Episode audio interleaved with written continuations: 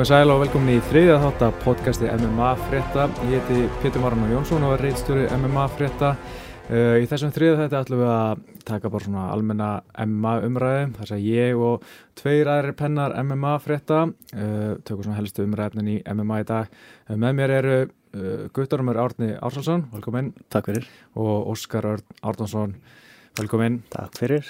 Hvað segist þér okkar? Búið að vera svona ágjörlega viðbara rík vika.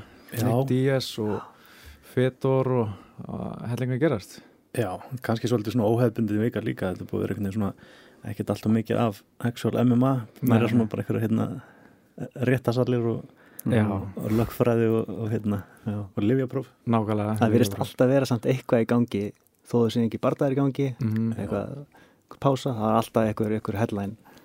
Algjörlega og bara byrjum að það nýtt díasmálunni Ja, hann fekk náttúrulega fyrir það sem ekki vita fimm ára bann uh, á mánudagin held ég fyrir sagt, að falla á liðabröðu þriðja sinn og allt fyrir Mariana Riggingar mm. uh, Já, fyrst ég sá þetta hugsa ég bara að ég, vorkindur á engin eitt, fimm ára bann kannski svolítið mikið en þriðja brúta en svo mér var eiginlega bara alveg saman síðan þá fór maður að skoða aðeins nannar og þetta er nú stór undirlegt mál, bara í fyrsta lagi þessi refsirami sem er kynntu til hana íþrótasambandið er kynntu til.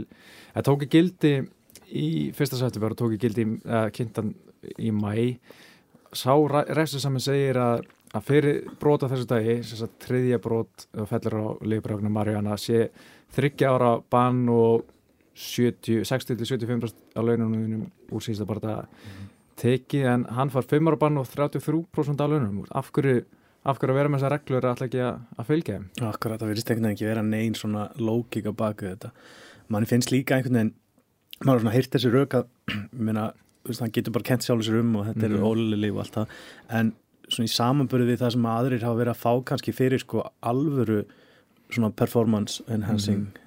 liv eins og bara stera TRT eitthvað þá finnst mann þetta alveg ótrúlega strángur dómur þetta er bara, mm -hmm. veist, það er, er meiri sér sko, það er hægt að sko, velta fyrir sér hvort þetta sé yfir höfuð liv sem bæti framistöð framistöð bætandi þannig að þetta er með við önnur liv sem að, veist, hefur verið sínt fram á bara vísindarlega séu framistöðbændi, bara eins og styrar og TRT og, og þannig tótt, mm -hmm. að þá bara einhvern veginn nærið einhverja átt finnst mér sko. ja. Nei, akkurat bara svo margt við þetta bara er svo skrítið mm -hmm. bara hvernig þessi nefndi einhvern veginn haga sér Já. gerir bara það sem henni, það er svo spænski rannsóknaréttur þetta er svolítið bara ekki gagsægi hérna. og vill bara einhver meina menn komi og, og veist, byggja fyrir lífið sínu. Já. og ef þeir mótmæla þá er einhver meina bara að þeim refsað ennþá meira. Algjörlega.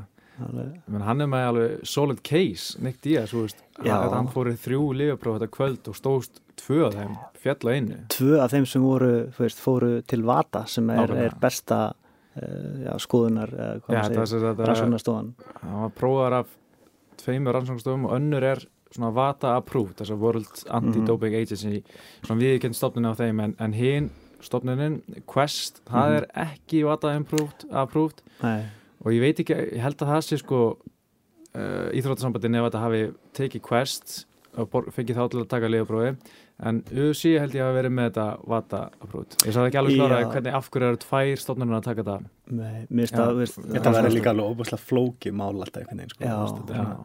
þetta er bara allt mjög skrítið eitthvað og þú veist með þrjú próf tvö segja þú ert í góðu lægi mm -hmm. eitt segja þú ert ekki lægi og það fór mhm. ekki til vata mm -hmm. og þú tekur það og, og byggir allt á því Já, og meikar ekkert sens og lögfræðingar hans voru líka með mjög gott case og varðandi það, þeir færðarlega góð rauk fyrir því að mm -hmm. við getum ekki vita með vissu að þetta út frá þessu eina prófi að, að, hérna, að það hefur verið Nei. undir áhrifum þarna á þessum tíma en, Nei, það er náttúrulega líka máli sko, það er svo, svo ónákvæm ónákvæmar mælingarnar í þessu með marihuana sem er um ástað fyrir þeir gera svona veist, þrjú próf sko, já, að, hérna. já, það er hluta því. Og, veist, og, og þeir get ekki sagt hvinnar þú varst að nota og hann er með leiði til að nota það sem hann býr í Kaliforníu mm. veist, og bara, þetta er bara sorglegt dæmi allt saman sko. Já, þetta er allt voðalega skrítið sko. En mann finnst ekki eitthvað eins og skýni gegn með þessar uh, hérna, þessi komissjón hvað, þetta er einhvern veginn ekki fólk sem að veit mikið um barda, veit ekki um blandað bardalistir og, og sem er svolítið óvinnulegt sko að þetta er svona í rauninni sko þau samtök bara sem eru svona be all end all hérna, samtök í, þegar kemur á svona reglugerum og Já. einhver, þú veist, ég menna þeir stjórna dómurunum þannig að þeir stjórna lifi eftirlitinu stjórna allir þessu Mhm. og þeir einhvern veginn verðast ekki eins og hafa áhuga á því að hérna, að kynna sér þessu Nei. mál og hvað áhrif þetta hefur á, á þessa- Bjúrókratar einhverjir Já, þetta er eiginlega bara svona ríki starfsmenn sko, Mhm. það verðast ekki hafa neitt sérstakann áhuga á, á hérna, barndaglistum þannig sé sko. Það er líka þetta, skrítið, það er ein konan hann að Pat, Pat Lundvel held ég, minni mig hún heiti, hún var sko, hún var svo móðgu að þeir skilta að vera að mótmála svo móðgu að Nick Díaz beitti fyrir sér þessu þennan fymta viðauka stjórnarskrona að sem hann getur neita að bera vitni gegn sjálfum sér að var svo móðgu þegar hún vildi ekki, hann vildi ekki svara spurningunum, hann vildi ekki svara hvort hann hefði barist 31. janúar og, og hún, fann- henni fannst þetta greinlega bara eitthvað hún vildi gefa hann sko lífstíðabann sko. Og það er náttúrulega bara eitthvað En í, í rauninni er þetta náttúrulega bara lífstefan, ég menna fyrir Já, hann, hvað er Nick já. Díaz svona gammal 32 Akkurat, þú veist, hann er, ef hann fer, í- hann fer í fimm ára bann núna, ef að þetta held, heldur uppi, sko, ég hugsa lögfræðingarna er nörglega eftir að reyna að áfríða þessu. Já, það er búin að segja að fara með þetta til hæstarétt Nevada Já. ekki? En sko, fimm ár fyrir hérna, 32 ára gamlan barndakappa, það er bara Já. sama sem lífstefan. algjörlega sko.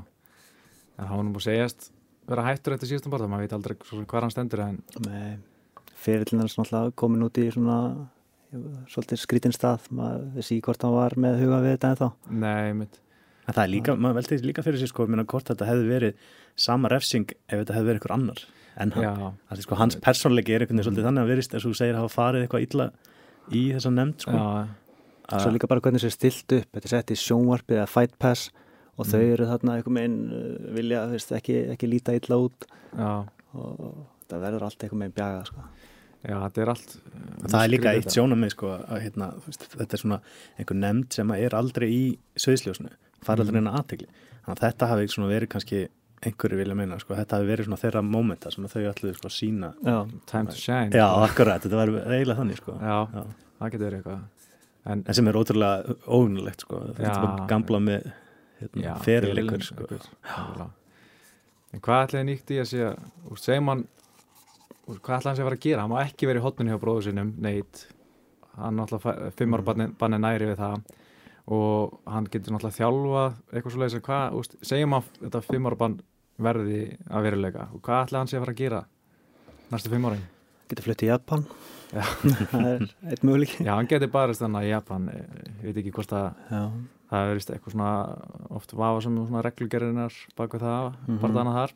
Já, hann getur fengið að reykja eins mikið að græða sem hann vildi það og, berjast. Það getur verið að hafa mikið sem þar. Já, það var líka Ég- yeah. áverið greinin hann sem kom frá Ariel Elvani það er að tala, tók viðtal við hann svona, ég veit ekki hvort að ég lasa það var, hann- var að tala um hérna svona opna gumul sár það var að tala um að þegar kærastannars fram til sjálfsmór þegar hann var bara einhver úlingur sko. jú, ég sá þetta Já.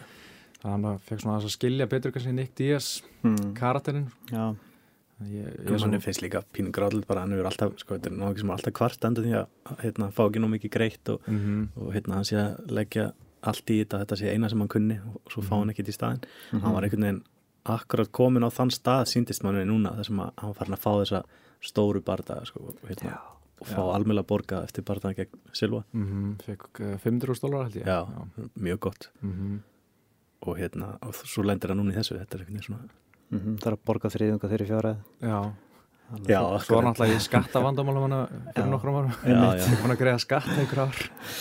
Já, hann sagði það okkur um blaðmann að er hann einhver með myndist á að hann borga ekki skatta eitthvað svona, þetta Já. var mjög fyndið og fóruð þér þá að skoða hann eftir já, það? örglega, ég veit það ekki, það var eitthvað mjög vandrarlegt moment Það var kannar ekki alveg að ganga hjá þessum manni Nei. Nei. Hvernig er staðan á neitt? Er hann Hann er að fara að berjast held ég í já, desember Já, ok Ég bara hreinlega manna ekki Ég verði alveg bara að kíkja á það mhm. En ég mann finnst einhvern veginn líka svona þú veist, menn hann er alltaf yngri en, já, Michael bara- Johnson eða ekki Jú, en hann var einhvern veginn líka með neitt fannst mér Jú, sko. Michael Johnson á hennar Fox uh, aftur. Hann er aldrei að fara að vinna þann bara Nei, Nei. En fann, fann, mann fannst einhvern veginn líka á tímabili eins og hann væri svona að fara að gera eitthvað úr sínu ferli fyrir, bara fyrir nokkrum ára Já, síðan það er eitthvað komið fyrir bara. Svo voru þeir ykkur í í kjara baráttu neitið að berjast nema að fá ykkur rosa hækkun og auðvitað sagði bara ok, bara býðum bara. Mhm. Já, það voru bara, play, bara hardball. Hann náttúrulega barðist ekkert sko í eitt ár þegar hann bara síðast. Það voru að hann barðið sko mútið Grey Maynard í november 2013 Mhm. svo gegn uh, Dos Anjos í, í desember í fyrra og svo er hann aftur að berast í desember í ár hann þetta eru bara þrý bardagar á Mm. þreymur á eitt bardag á ári sem er náttúrulega ekkert sérstætt Hvernig kæft hann við hérna Cowboy? það er alveg hann var 2011 Á 2011, já. já. Þá var hann einhvern veginn svona alveg bara þá var hann, já, gera góð hluti Gera mjög góða Já, hluti. Jim Miller líka Já, og svo séum við hvernig Cowboy er að standa sér núna er svona, Mhm. hvernig þetta er alveg að snúst við bara algjörlega en eh, hann alltaf hagaði sér eins og bjáni hann neitt í að síðast, hann gekk út úr eitthvað viðtali náði ekki vikt, mætti ekki að opna hefinguna mm. Er svona Nick Díaz hefur nú líka verið í þessum vandræm já, þeir eru Svona happa glappa hvort hann mætir á svæðið eða ekki. Bad Boys yfir. já, það er erfitt að stjórna að gæðum það er reyndar hlutaði sem er gaman gaman við á já, algjörlega. Stór luti aðdándar einmitt er, eru aðdándur út af þessu. Já. Ert þú ekki svolítið? Í- Ekkit frekar sko. Nei. bara, jú, jú, alveg eins. Já, ég hef aldrei verið díasmaður Nei, ég við alveg gaman að horfa á hann berjast sko, en Já. Bardaðan sem Paul Daly til þess að klikkar Já, Mhm. en það er ekkit, veist, það er ekkit við svona persónuleikana sem að heitla, mig sko, þetta ekkit eitthvað Mér finnst líka bara svo pyrrandi að hann er alltaf kvarta eins og mótið veist, Condit bara það var uh, alveg svona umdildur mm Mhm. Mér fannst að hann tapa alveg klárlega því Já, að sammála. hann er bara hann var ekki skynsumur hana, þú veist, hann var, hann var ekki að hérna svona cut off the cage eins og Mhm. maður segir, hann leiði hann alltaf bara sörkla burt Já, og kvartar eru honum að, já, að, veist, að fara að flýja já, mér finnst það líka að svona leiðilegsti þátturinn finnst mér við bæði hann og neitt er ógeðslega miklu vælukjóar mm Mhm. þetta er svolítið svona, þú er þetta að væla í MMA yfir einhver hafi tekið niður sko? Veist, þá ertu bara einhvern veginn ekki réttir í íþrótt sko. Þeir, eru engan áhuga einhvern veginn á að bæta sig þar sko. Nei, bara, þeir eru bara flinkir bóksar og góður Mhm. mm -hmm. skilur. Og það er bara einhvern veginn já, og svo eru þeir bara já, það getur verið mjög þreytandi að hlusta á að væla stundum er einhverjum svona hlutum, sko. Þetta er bara einhvern veginn svona að ég veit ekki, GSP bardaginn fannst mér alveg fólk kvartaði sárun undan að vera svo leiðileg sko. Mhm. mér finnst það bara stór skemmtlur ég hef bara geggjað að sjá bara hvað GSP er ógeðslega góður Já, geta bara tekið hann niður og stjórnaðanum og, og hann er mitt, ég, mér minnir akkurat annað að fyrir að grænja eftir það sko. Já, er- sjálfsög, hann sagðist líka að hættu þá eftir, eftir þann bara dag og Já, kom svo. Silva og... já, þessi barnalegu fílukost eitthvað megin Já, þetta er Bara svona, krakki sem fær ekki að sem hann vill og fyrir fílu já. Já, getur verið svolítið treytandi til lengdar. Mm það minnir maður pína á eins og hérna, Rampage Jackson var orðin rest það einhvern veginn algjörlega staðnar Já. og í staðan fyrir að gera eitthvað í því þá var hann bara töðandi yfir að hann fengi alltaf bara eitthvað gæja sem að mm það ekki niður í jörðina og lægi ón á Hérna, Já, alltaf einhver möðurum að kenna. Já, þetta er svona ákveðna týpur. En þeir eru nú já, ekki nýjar það er ekki mikið nýjum týpum þannig núna í dag Nei, en er þetta ekki kannski bara líka að breytast? Er þessi gæja sem koma inn núna, er þetta ekki bara meiri professional bara, þetta er bara kannski. íþróttamenn svolítið svona. Já, ég held að segja akkurat betri íþróttumæn heldur en þessi karakter, ég held að við sem ekki fara að sjá okkur Chuck Liddell karakter aftur eitthvað svona hvað maður að segja, eitthvað svona viltan gæja sem verður mistari og rótar alla en svona, er svona jammari og eitthvað. Já. já, en það er líka eins og með díasbræðina, þeir eru kannski eru svolítið svona stereotypana því sem að fólk býst við einhverjum MMA-kafa, Já, þetta er gæði sem kom úr slæmu hverfi og hafa þurft að veist, berjast Mm. fyrir sínu og allt sitt líf og svona mér finnst einhvern veginn, maður sér ekkert eins mikið af þessu hjá ungu up and coming gæjan, þetta er bara þú veist, gauðra sem eru flinkir íþróttamenn og er Já. bara búin að vera þú veist, glímukappar voru Mhm. litlir eða Já, það svolítið þannig Æ, þú veist, ég menn bara eins og John Jones til dæmis kemur náttúrulega eh, kannski ekki eitthvað efnamikli fólki en öll fjölskyldan er bara eitthvað svona atvinnur íþróttamenn Þú veist, og hann bara, þeir eru bara svona veist, ég held að það verði framtíðin frekar að við fáum bara eitthvað svona góða íþróttamenn sem að Mhm. færa sig yfir MMA frekar en þetta sé eitthvað svona tough guys sem, að, já, hérna, já, þú veist, sem var kannski fyrir 10-15 árum já, það fyrir að vera meiri peningur í þessu líka já, fyrir þetta það er náttúrulega það kannski ennþá í dag getur kannski verið minna spennandi fyrir einhverja gæja að fara í USA út af því að sjá launin þar og sjá Mhm. síðan launin í NFL og NBA já, eða En bara held- boxi eða eitthvað sko. Já, en ég held samt að menn eru, úst, ef menn vilja slást þá fara alltaf í þetta. Ég held að Já. sé alltaf eitthvað, eitthvað í mönnum sem fara til þess að vilja bara að þetta er það sem ég vil gera. Algjörlega. Það er saman hvað, hvort er meiri peningur hér að þar. Já, en það er samt sem að þú færði ekki þessa topp, topp íþróttamenn Nei, fyrir en að MMA fyrir, fyrir að geta mattsað peningarnum, sko, þetta er eins og tala um sko, með þungavittadeldina, Mhm. bara engin endunjun í þungavittadeldinni Nei. og það verið að benda á, ég meina, ef þú ert 120 kíló Mhm. og ert brjálar íþróttamæður, mm. Eða athletic og svona, að þá ert ekkit að fara í MMA, þá ertu bara að fara í NFL Já, veist, það er bara svo fáir einstaklingar sem geta þetta, sem að hafa þess að hæfileika og eru svona stórir og sterkir Mhm. að þeir eru aldrei að fara í MMA ekki með við hvernig með við hvernig er greitt núna og sérstaklega ekki núna eftir að breytta þessu hérna, þessum hérna, sponsormálum sko. Já, hann alltaf alveg Það getur maður allt ímyndað annan sér. hallveikur sko. En svo við séum aðeins að tala um þungahættina, þá kom hún ansi áhugaður tíðindi í gær. Eða í nótt þar að segja það er Fetor kom og sagðist þér að það myndi berja snúaftur, hann ætlar að snúaftur og það er ekki í USA heldur verið að vera í einhverstaðar Japan á gamlarskvöldi og mótekur um óþettum anstæðingi þvílik vonbrið Þetta er algjör ombrið hrikaleg vonbriði maður var svona fann að vonast eftir að hann kæmi í, í USA en samt svona maður þorði ekki að vona Nei, það að vona. Þetta er svona alveg, alveg típist þess að maður svona óttað sem myndi gerast. Þetta var einhvern veginn bara svona endur tekník á því sem að var þegar þeir voru að reyna Já, að ná hann hinn fyrir nokkrum árum var alltaf, og alltaf að heyra ykkur að fréttir þetta er alveg að smella, Já. alveg að smella. maður er búin að vera sá, eitthvað svona tís á Instagram með Dana White kommenta um blikk allavega einhverja Já, UFC myndir ég það. hérna fetur og maður bara já, þá það ég er að þetta vera komið sko. En það er, ég veit ekki maður veit náttúrulega ekkert hvað gengur á hana baku en En er komið í ljós hver, hver mann mætir? nei, ég ætla að tippa að vera Kimbo Slice það veri tveir besti tungatamenn söguna Já. sem mætast á Spike TV þetta er bara sorglegt sko. Þa, það er sorgar dagur fyrir það en það myndi samt selja hellingalli algjörlega, það er yfir miljón mann sem myndi horfa á það og einhverstaðar í Japan hana er, það sem fetur er náttúrulega stórstjarnar og, og, þetta er náttúrulega sami gæi og byggðu præt sem er á baku þetta. Mm. og það er líka ágætt spunktur hann náttúrulega hefur aldrei verið partur af þessari bandarísku MMA sinu þannig að þetta er kannski eðlileg þróun þannig sé það var náttúrulega að Strækosen var aldrei sami gæi og præt sko, Nei. Náttúrulega við séum að geta sett hann líka þú veist, í Japan, já, það er ekkert því til fyrirstöður mm -hmm. nei, nei, nákvæmlega. Minnst bara verðst að það er ekkert spennandi þungaveitt í Bellator Þú veist, Nei. hvaða anstæðingar eru, það er Kimbo þetta er bara svona eitthvað svona novelty Kimbo er ekki alvöru og hvað, nei nokkulega, svo þetta er eiginlega Tito Ortiz næst bara að hafa eitthvað nafn já, já. Þú veist, ekki- ekki á móti þessum stóru rússum sem eru mistarar þetta núna. Mhm. nei, Sem mér finnst ekki það aldrei ekkert svakalega spennandi viðregni þessi stóru rúsar hann í, í Bellator í, Nei. er eitthvað neina ekki en hvernig var verið að tala um að myndi mæta í, í, í UFC það var, það var ekkit það var, sko, fyrst sá einhvern orðum um að hann myndi mæta sko, Andrei Orlovski Mm. Ef hann myndi vinna Frank Mir og sá Sigurður myndi fá titilbarta í, á, UFC á, í sumar, næsta sumar segi ég.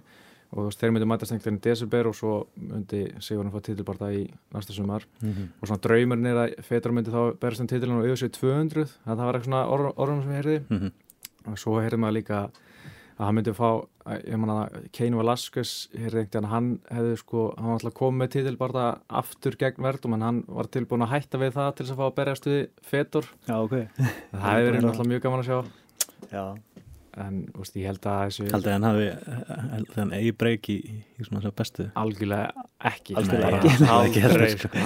ég held að sko náttúrulega Kane, Verdum hérna, Stipe Miocic, Huno Já. dos Santos ég held að þessi allir að fara bara að taka með svona nokkuð öðla líka svolítið fyndið að sjá sko alltaf þegar að, það er svona eitthvað svona legend að koma aftur mm. hvað menn reyna svona að hæpa sig upp með svona skrítnum aðferðum því að þú veist, það er engin leið til þess að veist, horfa á gæðina sem hann hefur verið að mæta undarfarið og segja já ok, þetta er, veist, hann er ennþá með þetta. Nei. þá eru menn kannski svona að horfa á bara einhverja myndir á hann það er í Hvernig að sjá hann hann er massaður hann er ennþá með þetta.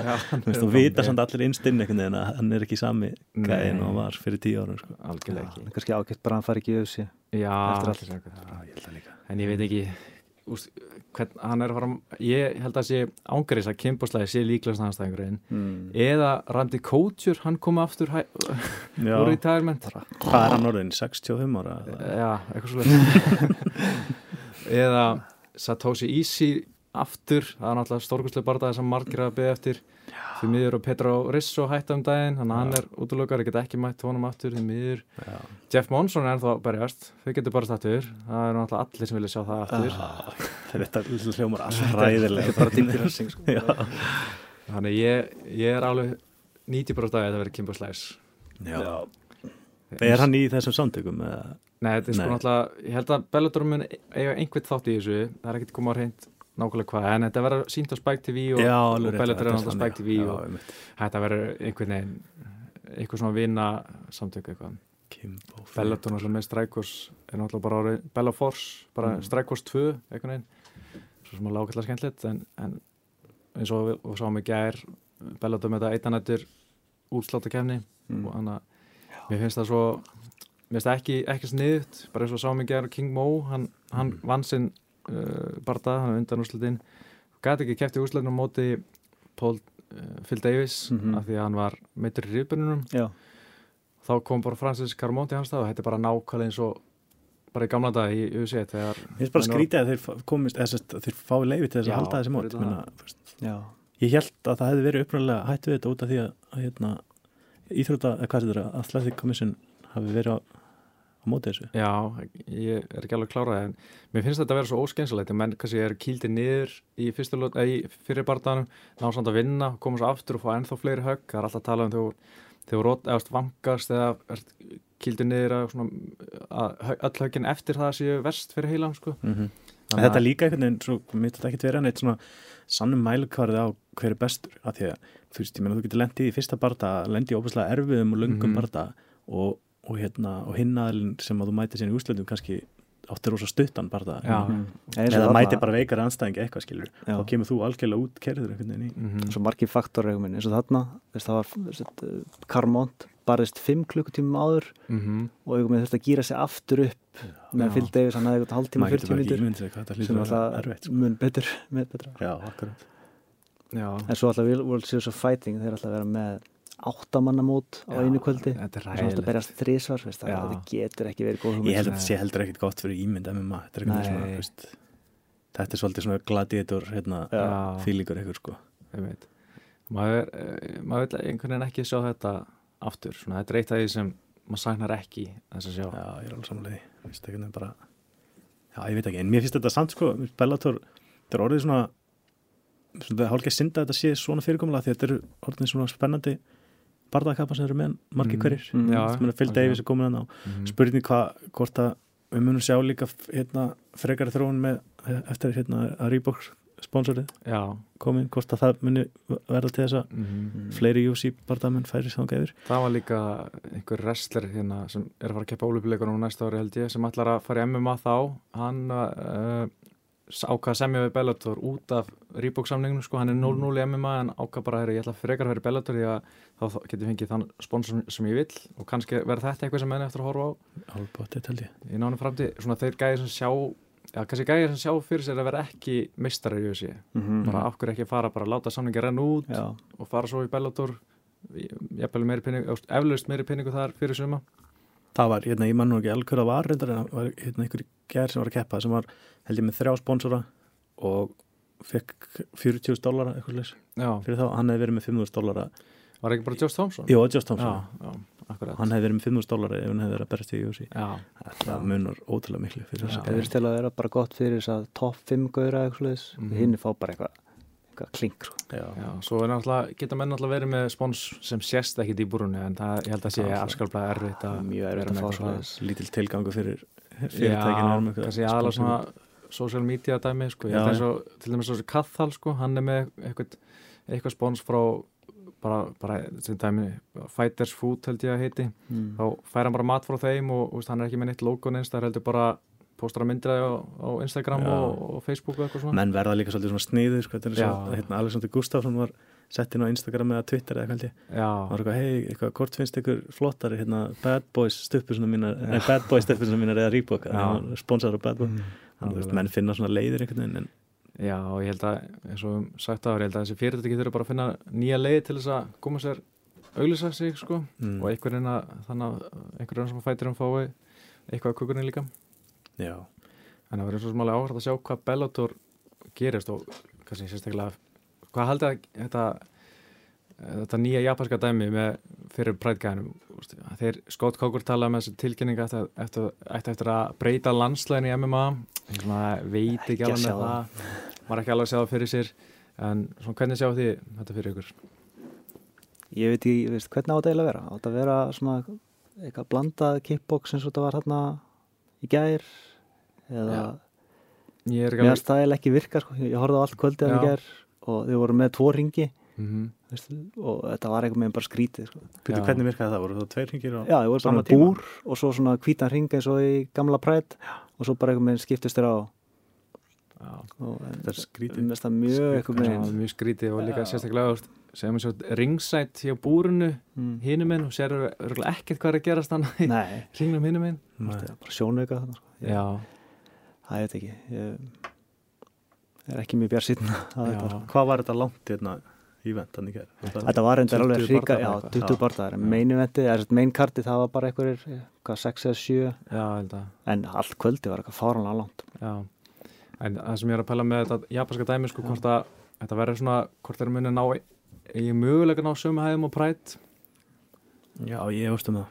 Það er ekki bara sá tími liðin ég ætla það ekki. Jú, Ég held það, ég held að sko, það sem var náttúrulega styrklegi præta sín tíma var einfallega bara uh, hvað UFC var ekki jafn stert og það er í dag, Mhm. það var ekki eins miklu peningar og Nei, ég held að það, það verði alltaf þannig einhvern veginn að UFC verði með alla bestu kappana Mhm. og svo verði svona það verði svolítið svona að Já, þeir fá kannski eitt svona stóran húst já, það hefur eitthvað Já, og kannski þeir sem að verða að vera á styrum já, Já, það er en maður sé líka bara eins og með svona gæðis og húsum og Pal Harris og já Jake Shields og svona gauðra sem að, veginn, að ekki meika það í UFC Mhm. að þeir verða einhvern veginn bara aðal stjörnunar í þessum Já, litlu mm, deildum sko. og eins Phil Davis kemur inn í þú veist Bellator bara pakkar öllum saman sko. gæði Mhm. sem að hefur örugglega aldrei fengið tilbarta í, í Nei. UFC.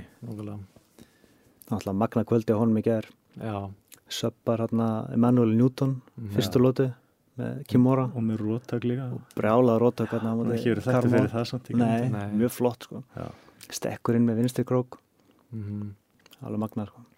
Já, Þetta verður skemmtilegt sko, það verður gaman að sjá hvað hann gerir þar. Já, það er vantilega í Liam Magiri núna. Já, sem að ég held að hann vinni nokkuð öðla Já. já. Það líka. Hvernig, var, hvernig var Tito Ortiz bara þetta var eiginlega bara, Tito var eiginlega dominera Mhm. þangað til að hann kom með inverted triangle og tappa hann Já. Þú veist, Tito tók hann bara beint niður Mhm. var hérna í gardinu eitthvað með svona gammaldags uh, ground and poundin sem hann var þekktu fyrir náða að passa Mhm. Mhm. og svo bara gera hann mistök og já, líðan maður gerir með sína löngu lappir náða að setja krækja hérna inverted triangle og, Já, og Tito eitthvað með tappaði bara strax með stæðilega skrýtnast sko. Já. Nákvæmlega hann var reyna fyrst við Arbar var það ekki eitthvað og svo Jú, hann náða sleppur arbarinu sleppur Arbar breytti já, en svona inverted triangle, það er mjög erfitt að klára þetta Já. Mhm. Þú veist, maður er eitthvað með að finna rétta punktinn hann er eitthvað með bara það var alveg einhver að djóka og reddi þetta hérna, að það var engin leið fyrir mann með svona stóran haus þess að Tito Ortiz að sleppur þessum trækunum. Kannski hefur það bara verið máli. Já, Já, ég sá gifið um þess, þetta var, þetta var mjög flott sko. en en mér skrítið samt hvað hann tappaði fljótt, ég Já. að segja það sko. það var grunnsanlegt Mér, ég, ég hugsaði það aðeins en þú veist, ég vildi ekki segja það sko. Nei, Já, ég veit það maður, maður trúur í valla sko. Já, Nei En- ég veist það. Nei, það var eða svolítið slemt En svo er náttúrulega, þetta er annars einn sem að næra einhverju með inverted triangle að vísu sko. hann, hann, þetta er kannski eitt af hans svona sérstökum múf sko. Já, Mhm. þetta er náttúrulega óþólandi að lendi í þessu. Maður er ofan á í side control Já. og í fitni stöðu og svo kemur eitthvað gæði með óksla langa lappir og treður haustum hann á mill og ég- vinnur, ég- hann var líka brjálað Tito hann Já, nákvæmlega ég sá það. Það ég er svolítið stundið þetta sko, en, en voða lítið náða að klára þetta. Þannig að mér stæðilega magna en hann krækti eitthvað með inn í hendina á honum tók ég eftir hjælt hendinni. Og það þetta var samt bara frábær framistæði hjá maður geri klára Tito í fyrstu lótu með submission ég held að mjög fáir, ef ykkur subba Tito, já. Já, það er nú ekki verið munið eftir því? Hann er með ágæðis sub-defense sko. Að, bara mjög gott sko. Já, já hann er tapað, ég er googlað þetta hérna, hann er tapað þrísa sem eftir submission. Hann, Tito uh, Svona eitthvað langt síðan, sko. já, nákvæmlega. Vá. 1999 Já, tapaði tapaði hann hann Franks Nei, það er submission út af höggum. Já, þannig það er ekki- ekki Svo Gillitin tjók hérna 1997 mútið Guy Mesker í öðrum barðans aha. Þetta er svolítið er sko er þetta hérna svona mældi interesting starrend Mhm. Ég er búin að tapa mig uppgjöf bara í 20 ára eða eitthvað, Nákvæmlega, þetta er vel gert, Liam impressive sko. til hamingi Já. Ég held samt að Phil Davis taki hann svona Ég held að hann sem er betra jiu-jitsu heldur en Liam McGeary þó að þú veist, Liam McGeary sem er í svona betra subbörgla, betra svona flashy og flottara, þá held ég að svona wrestlingi og svona position Mhm. svona awareness hjá, hjá Phil Davis er of stert fyrir fyrir einhvern Það er veginn bara svo erfitt að eiga við Já. Lungu hendur og og Já, náttúrulega sterkur og geggjaður wrestler og... en maður gerir vera með gott gard Mhm. ég held að það sé ekki með mikið meira Nei Nei, alltaf ekki á móti Phil Davis sko, er Þetta er svona Samtalið forvillilegu barndagir sko. Skemmtilegt. algjörlega en draumafætirinn minn var alltaf svona einhver svona sem væri ógeðislega góð standandi bara, og ef hann er tekið niður þetta bara söpalla bara Mhm. svona, það væri svo mm. svona skemmtileg skemmtileg típa, svona nokkur svona Antoni Pettir svona vissuleita veist, en hann er samt ekki alveg það sjúkra bækina hann geti Nei. söpað til dæmis Janus en Eða kleiku í það já. Óþólandi barndag ja, Andersson Silva var ekkert langt frá því nei, svo sem en þú veist, þetta er svona, mér finnst þetta skemmtilegi fætara sem, sem eru stórhættalega bækinu og líka standandi þetta er svona uppáhalds típa mín svona smá Carlos Condit líka mm -hmm. hann er góður, að svípa bækinu Já. tók hérna Dongjan Kim og svípa honum hana Já, mér finnst alltaf mjög gaman þegar mennur að svipa en það getur svona, það er ekki sjánari nóg mikið af því nei, algjörlega, menn er alltaf leitast alltaf nummer eitt bara að standa upp sko. Það er. Já. en, en það er einhvern veginn, já, ég veit ekki líka kannski erfitt þú að keppa ykkur gæði sem er búin að vera þú að glíma síðan þau voru fimm Já. ára eða eitthvað. Fyrir þetta það er alltaf með þessi wrestler með geðegan base. Já, þetta er bara svona eins og maður glíma nota ykkur svona judo gæja með eitthvað sko. það er bara svo glíma ykkur múrsteinsvegg sko. það er ekkert að gerast. Það er óþálandi það er óþálandi og maður getur ímyndað sér eitthvað svona gæði sem er D1 wrestler búin að vera þú veist, glíma upp allan grunnskóla og hérna, það er ekki mikið hægt að grína Það er svona alltaf áhugavert að tveir þannig mætast já, eða tveir brjálæðir í jutsugurar Mhm. alltaf eins og Gunnar og Maja já. Veist, það er bara það er svo áhugavert bara hver, Mhm. hver er að það er líka svo áhugavert bara því að sko, þú veist, það skiptir svo miklu máli hvernig stílinn er sko, Mhm. mm. hvernig jutsu stíl ertu með Já. Mhm. það, það er svona líka það sem að maður svona laðast, eða ég laðast upprunnilega að við MMA var þetta þessi óviss, þú veist, hvað gerist Mhm. hvað gerist ef að bóksarinn mætir wrestlinu og minnst það er svolítið svona svipað í þessum barða. Báðir eru bara einhvern veginn ótrúlega flinkir í jutsu kappar en þú veist, maður veit bara það er engin leið fyrir mann að segja hvað er Nei. að gerast. Þetta er bara svo forvöldilegt Sko, fyrir ári síðan hefði ég haldið að hefði verið hrættur um að þessi barndagi hefði getið orðið svona slopp í kickboxing eins og Mhm. verið oft þegar tveir frábæri glímum en mætast og svona helst þetta bara standandi en gerist eitthvað ekki Damien Sérst- Maia fór líka gegnum þannig tímabilaleg svona Já. 2-3 ár sem hann Já, hann var- stóð alltaf hann var að reyna að bæta kickboxing sitt eitthvað, hann var ekki, ekki alveg að ganga að dark frekar times. dabburt en svo eftir að hann fór í veltuveitar fór hann bara að fara all in í jiu og bara hljópaði þeim og bara Já, tók, hann menn niður. Mm, það það var var- það sem maður vildi sjá sko. nákvæmlega en núna þegar Gunni er á svona miklu betri standardi og held ég að ég, held, ég, mín spá fyrir Gunnar Mæjabartan þetta verði ákveðin vombrið fyrir glímu menn því að Gunni rótan standardi bara í fyrstu luti það fara ekkert í gólfi Mm. ég held þetta sé fullkomum bara það fyrir Gunnar sko. ég, veginn, þú veist, ég sé ekki fyrir mér að Maja sé að fara að taka Gunnar niður. Nei. Og ég held að Gunnar sé sterkari standandi. Mm og meiri sé sko ef að Gunnar myndi ákveða að fara í jörðina þá held ég að það er bara spennandi sko. Já, algjörlega. það væri ógeðslega gaman að sjá að væri glíma það er náttúrulega draumur sko. Já, það algjör er eitthvað sem maður er búin að býða eftir og, og það væri náttúrulega ömulegt að það gerist ekki sko. en, en manni finnst það samt vonbrigði. líklegt sko. Já.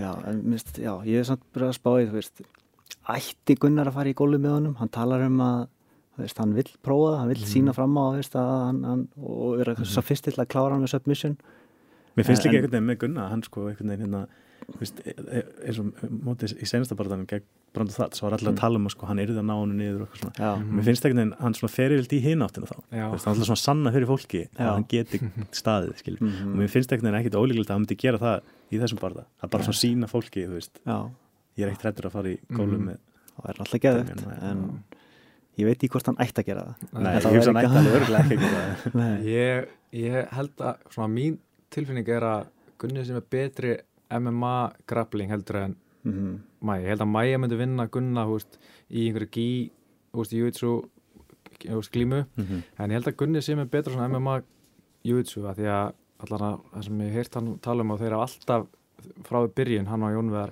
vera að spá í, myndi þetta virka í MMA veist, Gunni hefur aldrei verið með eitthvað svona trikk eins og eitthvað svona að fara að nota mikið eitthvað svona deep halfguard sem þú veist, gera Mhm. verkar um að hausin henni er rosalega opið fyrir höggum og, Akkurat. og allt þannig sko. þannig að ég held að Gunni sé betri að glíma í MMA heldur en Maja maður er ekki líka, hver var að tala um það Conor McGregor held ég eða eitthvað að það væri svo allt annað að glíma við Gunna var- Conor var að tala, nei Gunni var að tala þannig um Conor Um Conor, var Já. það auðvitað, já, ok En það sýnir samt sem áður bara hvað þú veist, það- þetta er svona aðeins stiksmunur á mm Mhm, um leiður algjörlega. komið með höggin inn í þetta og, og Já. hérna fellurnar og þessi transition þá er þetta, þú veist svona reynt júitsu er einhvern veginn kannski ekki alveg áhrifaríkasta í MMA þú veist það þarf að blanda þessu saman Já, þetta er, það er munur að vera þegar einhver getur kilt í andliti sko. og bara eins og Gunni hefur notað líka finnst mann mjög mikið svona nær bakin á hans stækunum sin mm -hmm. og er að nota höggin ótrúlega vel einhvern veginn til að opna er að eitthvað sér- hendin einhvern veginn svona mm mm maður sér fá að gera það sem hann er að gera að, þegar hann er með baki sko. Tekur já. mm og tekur, þetta er mjög þunghögg sem hann er að koma en með það er líka bara einhvern veginn oft að menn er að ná bakinu sko í MMA og það er einhvern veginn ekkert saman sem merki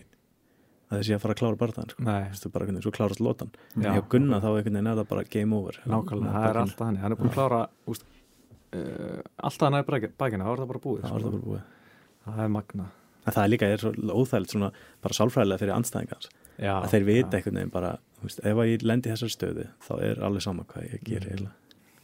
Það væri bara þvílíku draumur sem væri ef Gunni myndi sem myndi kýla mæja niður og klára hann svo jörðinni Mm. mm. það er bara alveg eins og senast það það væri, Það er bara sko. gæti ekki verið flottara Nei. Það- þessi barða er einhvern veginn alveg fullkomin sko. líka því að þú veist, hann er nummer 11 Mhm, og Maja er nummer 6 mhm, hann er báður svona rétt og rétt á undan top 10 rétt á undan top 5 mhm. þannig að það svona myndi sanna að hann ætti heima hann í top 5 já, það er það væri sko. úgæðslega flott sko. en ég, ætla, ég var að tala við hérna strákan í kemslinu uh, fyrir tveimu vikum eða svo og þeir voru tók eftir miklu mun á Gunna eftir hann kom heim sagt, úr þessu æfingaferði að það náttúrulega fór út fyrst til Mexiko og svo var hann náttúrulega Las Vegas undirbúið sig fyrir barða gegn uh, fyrst við eins og Maja, nei hérna Þats að þeir töluðum bara geðvika mun á stand-upinu hjá hann og, og ég man að Bjarki Þórs að hann fannst að vera hann þrefald betri og hann var ekki að íkja hann alveg, þú veist mikla áherslu á hvað hann var, hann var ekki að íkja þetta væri bara fáralega munur sko. Þannig að það verður gaman að sjá hann heldur áfram þessar braut. Já, að, það er alltaf ótrúlega spennandi. Já, ef hann fyrir að róta menn þú veist, og, mhm, og með þetta jujutsu já, það er alltaf Ég held það líka að drauma- sé- já, Já, ég held líka að sé sko þegar maður heyrir, alla sögur sem maður heyrir á honum hann sé svona, er bara svona hálgeri svampur einhvern veginn, mm bara sogar í sig alla vitneski og upplýsingar.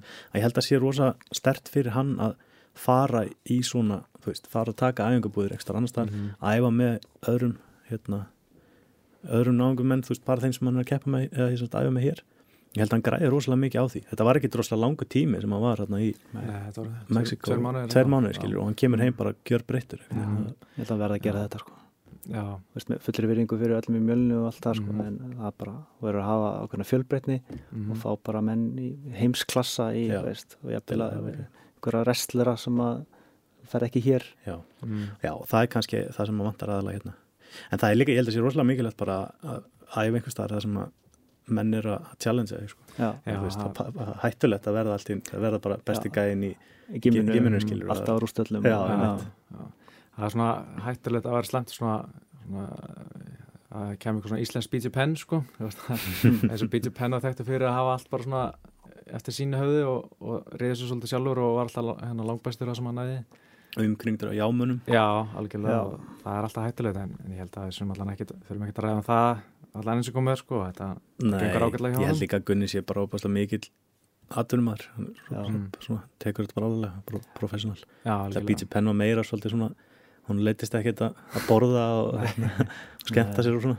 Já, nákvæmlega Ég er bara, er bara hrikalega ánæður að sjá veist, hvað hann er búin að vera að þróast hvernig hann Mhm. leit út í síðasta barda Já. það er bara ótrúlegt Mm. og, já, og hvernig hugar farið virðist þeirra hjá hann hann virðist þeirra á réttur stað Mhm. einbyttur og er að stefna bara á gullið sko. Já, algjörlega Mér fannst það líka sko flott hvað veginn hérna, sko, eftir barðan gegn hérna, Rick Story það svo, svo, svo fyndi eitthvað hvað fólk er fljótt að snúast Mhm. hann fór frá að vera bara besti gæi heimi í að vera bara alveg ómulegur og hérna svo kemur hann bara tilbaka og bara sýnir öllum hvað hann er mm ógeðslega sterkur, en er þú veist, það hefur ekkert svona áhrif á hann, mm. virðist ekki vera hann virðist ekki vera að pæla í þessum hlutum. Nei, hann bara gerir það sem hann þarf að gera og Ég maður líka að hann tala um hérna í leiðinu búrunu fyrir síðasta barða þetta verður svona ágöð svona wake up call sko að hann var fastur í einhvern ákveðin hreyfingum ég held að það veri svolítið út að hann var svolítið að æfa bóksi æfa það svolítið. Já. og það er kannski ákveðina hreyfingu sem voru kannski ekki að henda honum heldur, held, og Jón var að tala um að líka fyrir barðan gegn það að hann að fara í svona frekar í reyfingar sem henda honum betur. Og þessi svona vinklar sem eru allt öðru seldur en allar eru með og, og svona kemur mönnum svolítið ofna skjöldið mm. þegar hann hoppar inn með einhver högg. Mm -hmm. karate grunnurinn. Já, svona, svona ekki karate og ekki bóks heldur bara svona eitthvað hans mm. reyfingar maður sá það líka svolítið í þessu þegar hann kláraði það þetta var einhvern veginn, þetta var enga veginn eitthvað svona klassíst hérna, klassíska bóksreyfingar og þú veist, tæknilega séð þetta er örgulega eitthvað svona strangur bóksþjálfar eða örgulega hrist hausin yfir sko. en ég minna ef þetta virkar, þá virkar þetta er bara... Þetta er bara örgulega svona MMA striking bara, já. þetta er bara eitthvað sem maður sér kannski já, eiginlega hverja annar stað en MMA Þetta er líka ótrúlega sko, þessi fótavina, maður sér sko maður horfur á þetta aftur, oft, oftast eru svona endursýningarnir í, hérna, í slow motion mm -hmm. en maður horfur á þetta í rauntíma þetta er ótrúlega hvað hann lokar þessu, hérna, þessari fjallaði fljótt mm -hmm. sko. Stekkur eins og köttur alveg Já, við minna að það bara vissi aldrei það er líka gaman að bæðu höggin smettlita, það er ekki oft sem maður sér það, maður sér kannski eitt smettlita og það fellur mm -hmm. anstakinn en bæði hittu, það var alveg geðveit. En mér fannst það líka svo brilljant að henda þessu fyrsta höggi út svona einhvern veginn, það var ekki, engin ætlun með því þannig sér, þannig að það ekki að rota hann með fyrsta högginu, Nei. það var bara einhvern veginn til þess að ná honum úr balans síðan mm. kom, þú veist mér fannst þetta ótrúlega, bara, ég veit ekki, þetta var svo ótradísjónal sko, og hérna, bara mjög flott Var, ég var svo ánæðið með þetta að sjá þetta, þetta var svo geðveikt ég var náttúrulega í höllinana í Vegas þetta var bara bila að sjá þetta læg sko, maður alltaf ekki að trú þessu sko Úst, fyrirfram hefði maður haldið að Tats myndi vera svo sem myndi kíla gunnan kíla anstæðinginni en ekki gunni og, og sjá þetta svona grappleirinn innan gerðslega bara kíla strækirinn yfir sko. mm -hmm. ég man líka, ég sá ekki áhvarum punkt hjá hérna uh, Dave Mullins minnum hann heiti, hann var hérna í Robin Black, ég er að taka alltaf svona podcast og þá var að tala um að, að uh, Brand og Þats talaði um barndan ég þarf að passa mig að láta hann ekki taka mig niður og það bara haldur þessi standard að það eru góður en Gunni var svona meira mixed martial artist mm. ég er tilbúin hvert sem barndan er fyrir mm, Það lítur líka veitamennum ótrúlega mikið frelsi sko. þú fær bara inn og þú veist alveg svona hvað gerist þá ertu einhvern veginn confident sko. mm -hmm. það er náttúrulega ríkilega gott að vera með það í bakhundinu og bara eins og menn tala um hérna, GSP líka mm. GSP var kannski ekkit eitthvað besti strækjarinn í deildinni mm. en bara það að menn þurftust sífælt að ágjör að því að hann væri að fara náðum niður já, en já. það opnaði svo mikið mm -hmm. á möguleikum fyrir hann sko. mm -hmm. en hafið þið eitthvað heyrt hérna í ég fór bara alltaf inn að pæla í núna þegar þú varst að tala með um það hafið þið eitthvað heyrt í þats eftir bara það Hva? ekki neitt, ég byrjaði að followa hann á Twitter í gær en það var ekkert að gerast sko. en ég hlaks svolítið til að sjá hann aftur sko. ég vona að hann takk eitthvað svona beautiful destruction á eitthvað gæði sem verið töfið eitthvað komið svona þess aftur ég hef mikla trú á hann sko. það var skemmtilegur sko. hann á alveg framtíðina fyrir sér heldur sko. já algjörlega, sko. mér finnst hann mjög skemmtilegur að horfa á en kannski er hann bara of stór fyrir lokin og er bara, veist, hann, hann er ekkit svona massar hann er bara svona ríkala hár og langur mm -hmm. kannski, svona, kannski væri betra fyrir hann að fara upp í millauðitt og geta bætt sæðans og bætt það sem á vöðum og það er líka bara að bæta sig á gólfinu sko. já, já. þannig að það eru tveir barndæri hjá hann sem fara svona mm -hmm. þetta er bara greinlega veikleiki sem að vera að vinni sko. Mér fannst það líka sann sko mútið Ben Henderson það, veginn, það hefur örgulega verið meira stærðin sem var að spila inn í þar ég menn hann var að mm. stjórna þeim barnda alveg lengi vel framann sko, og svo þetta einhvern veginn bara að hafa verið bara búin með Já, gasa svolítið út, gasa út sko. Já, hann sagði að MTV talaði við með hann að five rounds is a bitch. En það gekk ekkert betur núna gegn Gunnar og fyrsta lúti Nei, hann var hann er fít, eh, svona, flott strákur ég, ég vona að fara langt Já, líka bara mjög impressið að geta kæftu Benson Henderson og Já, bara algjörlega. staðið í honum mm -hmm. sínir bara hvað hann er sterkur mm -hmm.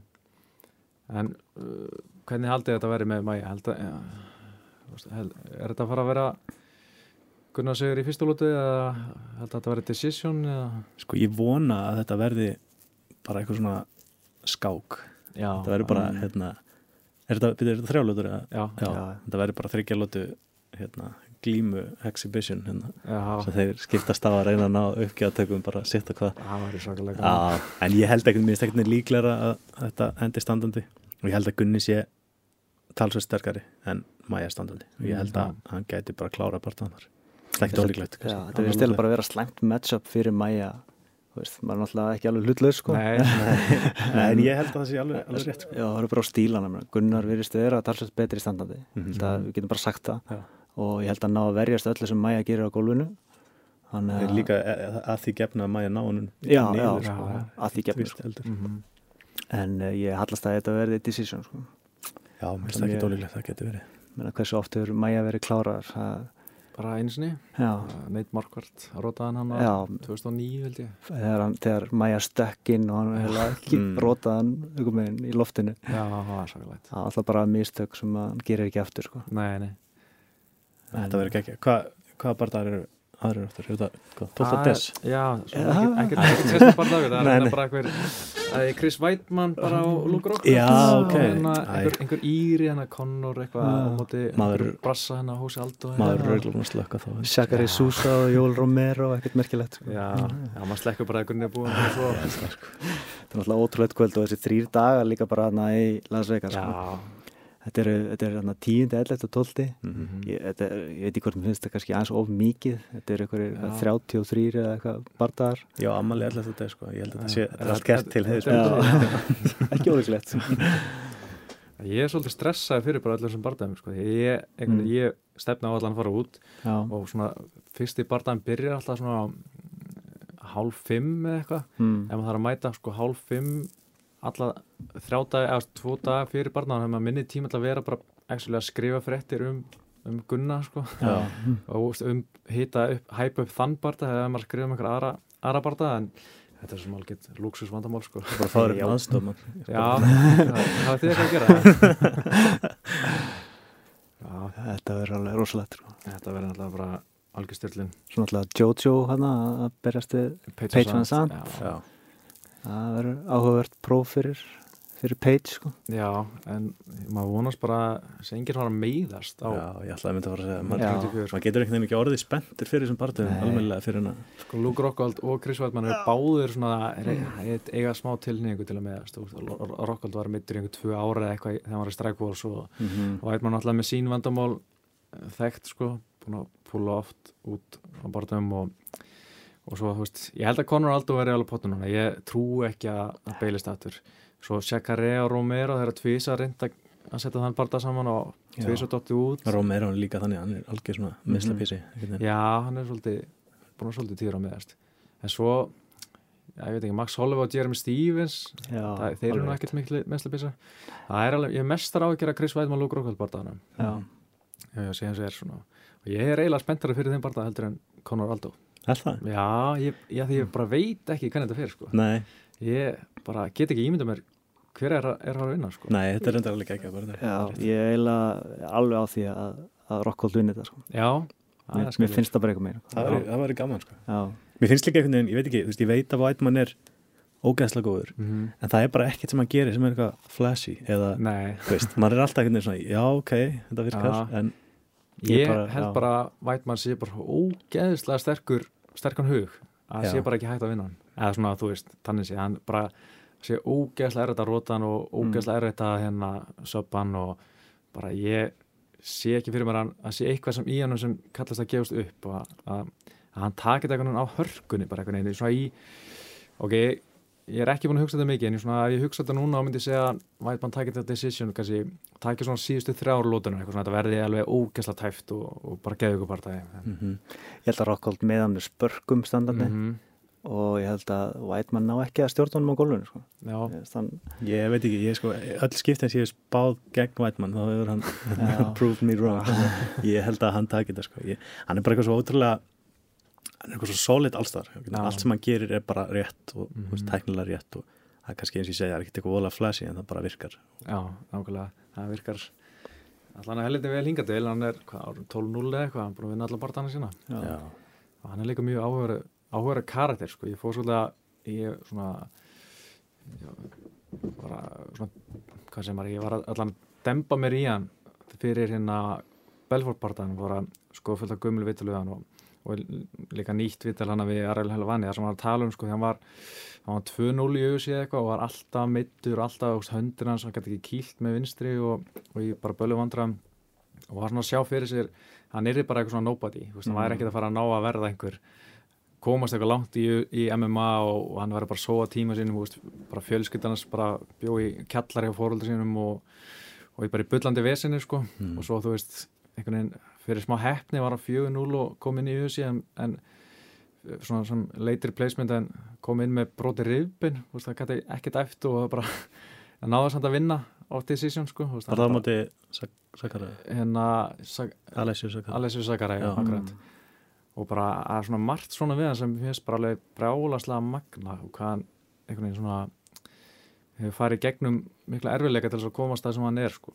Já það er svona held ég að hann er aldrei eftir að tapa Þetta verður mjög áhugast allavega draumabarta í millivikt sko. Já, ég held að ég ætla bara að segja að þetta sé bara besti barta í sögu milliviktir hann Já, mm -hmm. skal alveg kaupa það sko. Já og líka með svona tvei myndalegri millivita mannu sem hafa nokkuð tíma mest Óanlegt tveir, þú veist, amerikanar Já, svona, já. já. svona barndagi sem hefur verið flottur í New York sko. Já, algjörlega en, það er náttúrulega sér kapitalisi Þú erum að halda bara að hafa sér podcast bara um það Já, hvernig var það? Fá einhvern veginn New York aðtónda, nei, hérna New York búa þaukar Hvað haldið með Conor og Aldo? Uh, ég, ég veit ekki hvað það er en það er eitthvað við bardaðan hans við Mendes sem gerir það verkum að ég örlítið minni trú á, á Conor Sigur ég veit ekki hvað er, hvort það sé hvað virka eitthvað svona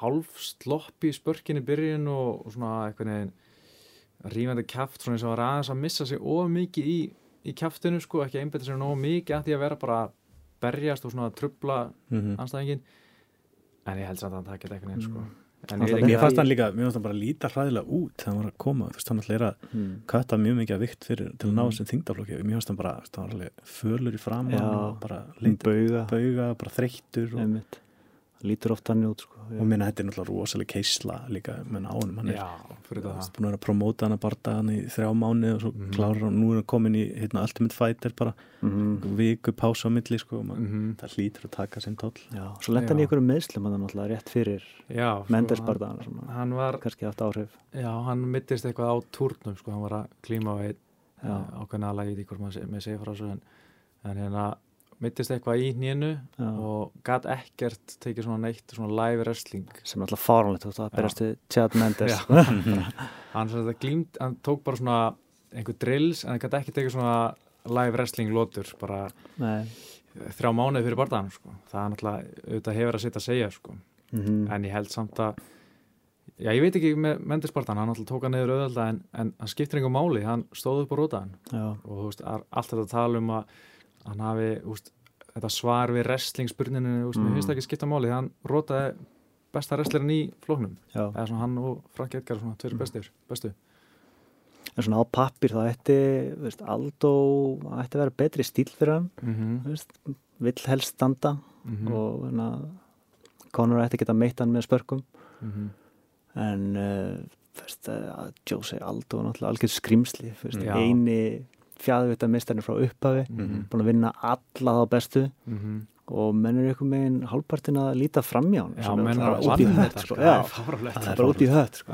Ég er rosa forðun að sjá líka sko, það sem ég held að minni skipta hvað mestumáli er hraðin sko, Aldo er ópasla snöggur mm -hmm. Conor er kannski ekkit eitthvað snöggasti fjæðvitaka, hann er bara með öðru sér stíl sko. Já, hann er fjölhæfur og, Hann er mjög fjölhæfur, en hann er ekki svona, er ekki explosive, það er ekki, er ekki kannski svona sprengikraftur um, og ég er bara forröðan að sjá hvaða áhrif það mun hafa sko. ég... Gott er að nota rýtsið mjög vel Já, Já það er líka vangjana pressu sko. það er eitthvað sem, eins og Gunni saði einhvern veginn að það er svo erfitt að, að lýsa hvernig þessi pressa er bara mm. þegar þú ert á mótunum og finnur fyrir henni það er, hún er rosalega óþægileg hún er, svona, hún er mm. öðru seldri en öðrum og þetta er bara rosalega pressa sem maður setur á, á, á anstæðingar sína og, mm -hmm. og það verður áverð að sjá að því að Aldó setur ágætast pressu líka hvort það verður bara tvær, bara lesta sem bara skella saman Já, eitthvað stríð sko, bara ja. strax frá, hvað, fyrstu mínúndi eða eitthvað? En svo getur Aldó tekið hann niður. Hann getur gert það. fáránlega góður í jujitsu Já, svo segja ég er allan Já, hann, hann hann hefur eitthvað eða ekki, nei, hvað hvað maður hugsa, hvað hefur hann verið að söpa menn? Ég held að hann sé að það er mjög langt sem söpa einhver sko. Það er svartbelningur Já, já, algjörlega og, og keppur alltaf með algjörum monster svartbeltum hann hann á að vera mjög góður en, en kannski þarf þú að selta hann að sína já, akkurat. Hann er með tvo sér eftir submission. Já.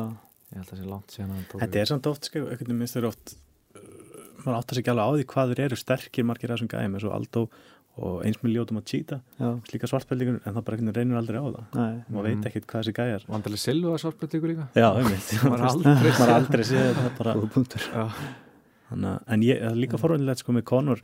Hann er alltaf með hérna, löppina svo langt frammi, þetta stance Mm. sem hann er með. Og spurning hvort að Aldo, eða hvort það líki vel við að hérna, Aldo legg ekki hann. Já, hann er alltaf sáttbúð, hann er alltaf lengri vegalegt sem löpin þarf að fara. Það er rétt, já, það er mjög góð punktur Það En- getur verið, kannski minni faktur en man, margir að rekna með já, en það er í rauninni eins og segi, það er ótrúlegt að menn sé að vann með þetta Aldo en það er Mhm, kannski svona Já. Ég held að Aldo sé svona hann er alltaf algjört, algjört monster og, og svona ég held að þessi maður sé ekki hrættu við neitt en ég held að hann kannski óttist að smá að tapa tillinu til gæja sem hann hatar rétt mikið og, mm. Mhm. og maður eða svona hata og ha- ekki hata hann bara svona þólir hann ekki Conor veist. vera komin alveg inn í hausin á hann Mark Mansson er í hausnum á Aldo sko, það er er alltaf snildin við þessa aðferð þú, veist, þú, þú gerir anstæðingin hrættan við að tapa því það er svo mikið og þá, þá verður menn, menn að hika og já, og hugsa um eitthvað allt annað en bara það missa einbyrningu Já, En mér fannst líka sko, þessu bardaða mútið Mendes, mér fannst einhvern veginn sko, bara þessi hérna, spörk, skrokk, spörk sem að Conor Mhm. átti. Mm. Þetta er einhvern veginn, maður tekur ekkert mikið eftir þegar maður er að hóra á bardaða. mm Og svo bara allt í henni er Mendes bara búin á því. Já. Þá er það bara því að hann er búin að dundra í maðan og hann er bara þú veist, 30 sinnum eða eitthvað, bara í einni lótu. nákvæmlega, ég horfði á hann aftur og bara í fyrstu lótu, hann er með að því lítið magan Já, -hmm. sem bara tekur úr honum tekur úr þér alveg bara. Já. Ég, þetta hefur náttúrulega alveg úst, mér finnst- það svolítið pyrrandi að menn er að nota þess að full camp ásökun eins og Mendes er svolítið að gera já, mjög mikið að, hérna, að hann myndi gera miklu betur við að hann var með full camp og svona þú veist, jú, ég var alveg, var alveg til að sjá hann ég held samt að þessi spörk hafa haft miklu meira að segja heldur en bara það að Chad Mendes að gera um full camp og, mm og þeir eru alltaf að segja þú veist, já við hefum alltaf árið og bla bla bla þú veist, já ok, þá hefur enga afsökun Nei, það er alveg rétt, þú getur ekki have it both ways. Nei, sko. nákvæmlega Það er bara, ég menn, annarkvort ertu í formi Mhm. eða, þú veist, eða ekki. Júra Feib er alltaf að segja að hann hafi verið einhverju útilegu hann að veiði fer bara að drekka þetta bjór bara rétt ára fyrir kalli sko. Já, ok. Þú veist, já, ég veit ekki, menn er ekkert að fara að rapa í þólið að fara eina veiði fyrir einhverju viku sko. Drekka nokkra bjóra veist, ekki og getur ekki klára tvær lótur versus að fara í fimm lótur bara það sko. Mm. held ég ekki mikla trú á því. En alltaf konur sé að fara í léttugt ég, ég held að, bóttið. já, ég vonaði líka, ég held að hann lítur svo illa út á Já, lyktinni í Og orkunum lítur bara. alltaf verður og verður út líka. Já, getur verið að kötti sé að vera erfiðara sko. Mhm. það getur ekki verið heilbreykt sko. Nei, fyrir þetta er náttúrulega stórhættulegt sko, og bara Ríkala slendur í nýrun og, og allt í skroknum sko, Áhugavert samt hvað þeir eru með algjörlega gjör ólíka nálgun hann og Gunni. þetta- já, þessu veitkvæmt. Mm. Gunni hefur bara engan áhuga. Nei, mér finnst þetta svo þreytandi umræða með að hann þurfa að fara niður lætveit sko. hann er ennþá á upplýsk hann er ekki, veist, hann er ekki komin Gunni sem sagt. Gunni að koma einhver stað bara, bara veist, að- veist ekki fara upp nú verður að fara, Mhm. þú veist, endurhugsa eitthvað mér finnst það svona leiðileg umræða að þurfa að fara niður lætveit sko. ég, ég þóla ekki þetta, þetta svakalega kött, mér finnst það all, það er allir og, og í einu þingtaflokki neðar en ætti að vera Mhm. nefnum kannski Gunni og svona, veist, jú, það er er hvort það er að spila með leiknum eða ekki, en, en ég held svo lengi sem Gunni er allan ennþá upplið, hann er ekki búin að staðna eitthvað, þá held ég að þessi umræðum létt þetta sé ótíma, ótíma bær, sko. ég meina ef það væri trekk í trekk að tapa fyrir stórum gaurum Mhm. Já, og var að af því að, af því að þeir eru stærri. en Já. þú. Mhm. það var svolítið öðruvís Já, það er einhvern veginn ekki, ekki málið. En Rick Story er svipa hár og Gunni að svona, jafnvel lærri ef ég mann rétt og ég var ekki að segja þykkari en það er satt engin að tala um að hann þurfa að fara neyri í lætvit einhvern tímann sko, veist. Nei. hann er alltaf þykkur gæi en Men líka bara vannmetinn. Ja, Menn leta þess að það væri eitthvað voðalega niðurlega að tapa fyrir honum. Það er bara það allt bull. sko. alls ekki sko. alls ekki En það er líka sko, það eins og Gunni talar alltaf um að þetta gefa honum ákveðin ákveðið svona advantage, hann sé bara, þú veist, kannski Mhm. minni en hann er það líka bara á móti snegri og, og maður sá það líka bara í sensta barða það var bara þannig sem hann vann þann barða sko. það Mhm. snegri bara snegri og bara skipta held- enga máli þessi stað Nei, ég held að það bara verið mjög gott fyrir hann að tap- tapa þessum barða bara, bara upp á að upplifa það þú ert ekki Mhm. með þessa pressu, þú ert ósiguraður núna mm þú veist. og líka bara að þetta var eins og tölum um á hann eitthvað wake up call fyrir hann þannig að ég held að hann hafi bara haft gott að þessu til lengri tíma litið sko.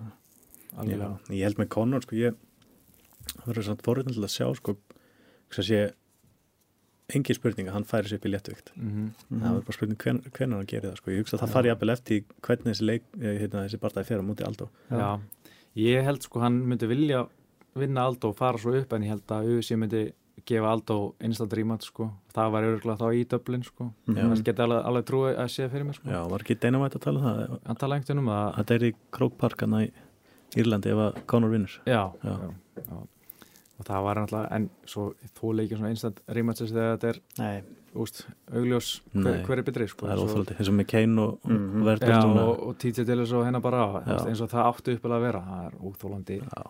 óþólandi uh, menning í auðvitað Sérstaklega sko hjá mönnum eins og Kane Velasquez og svona sem er að meiðast svo mikið og þú bara eiga x marga barda í sér sko. Bara- Eskars er líka bara búin að berjast í Húnundur Santos, Antonio Silva og Fabrice Vertum ákveðum síðustu þrejum eða fjórum árum Já, eins og alveg síðan 2010 eða Já. eitthvað. Þetta er bara, Það er þetta er bara déjà vu en með Conor ég, það væri ógæðslega gaman mikið af flottum barðum fyrir hann í lightweight, Antoni Pettis og hérna- Kápa Seróni líka. Já, Alltaf Dos Santos meistarinn, þetta er erfitt matchup fyrir hann sko. Já, getur verið sko. Það, það er náttúrulega bara geðveitt en ég held að þessi umræða fyrir fyrir framtíðana, hann er allan ekki ennþá, hann er samt farin að í að þessu og farin að pota í gæjana í lettutinni sko. Mm -hmm. og Donald Cerrone held ég að hann sá hvað Mendes fekk mikið fyrir síðustu barða og svona hugsa svona Mhm. Það Þessi gott glóð já, þetta er eitthvað sem ég er til í. Hann er líka alltaf í einhverju peningafandra eyðir svo miklu alltaf lífstíl sem hann lifir hann Já, En ég held að vera ekki gott fyrir hann að fara í Khabib samt. já, ég veit ekki sko, Ah. Khabib er náttúrulega er hann að fara að vera bara eitthvað mestari bara og yngi getur unna en Það er alltaf búið að vera að segja okkur það í nokkur ár Já. sko, en það gerist ekkert sko. hann er alltaf mittur og... hann helst ekki heill þá Nei, Já, ég get alveg trúið að Conor geti Nei, ég veit ekki.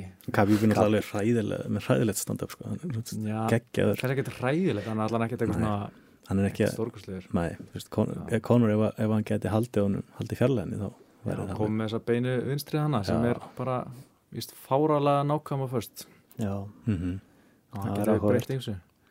En það held ég að sé mattsjóð sem er langt í allan enn sem komið er sko. mm Mm. en við erum allan búin að tala saman í klukkutíma núna held ég. Þannig að ég held að þetta sé ágætis, ágætis endir á þessu.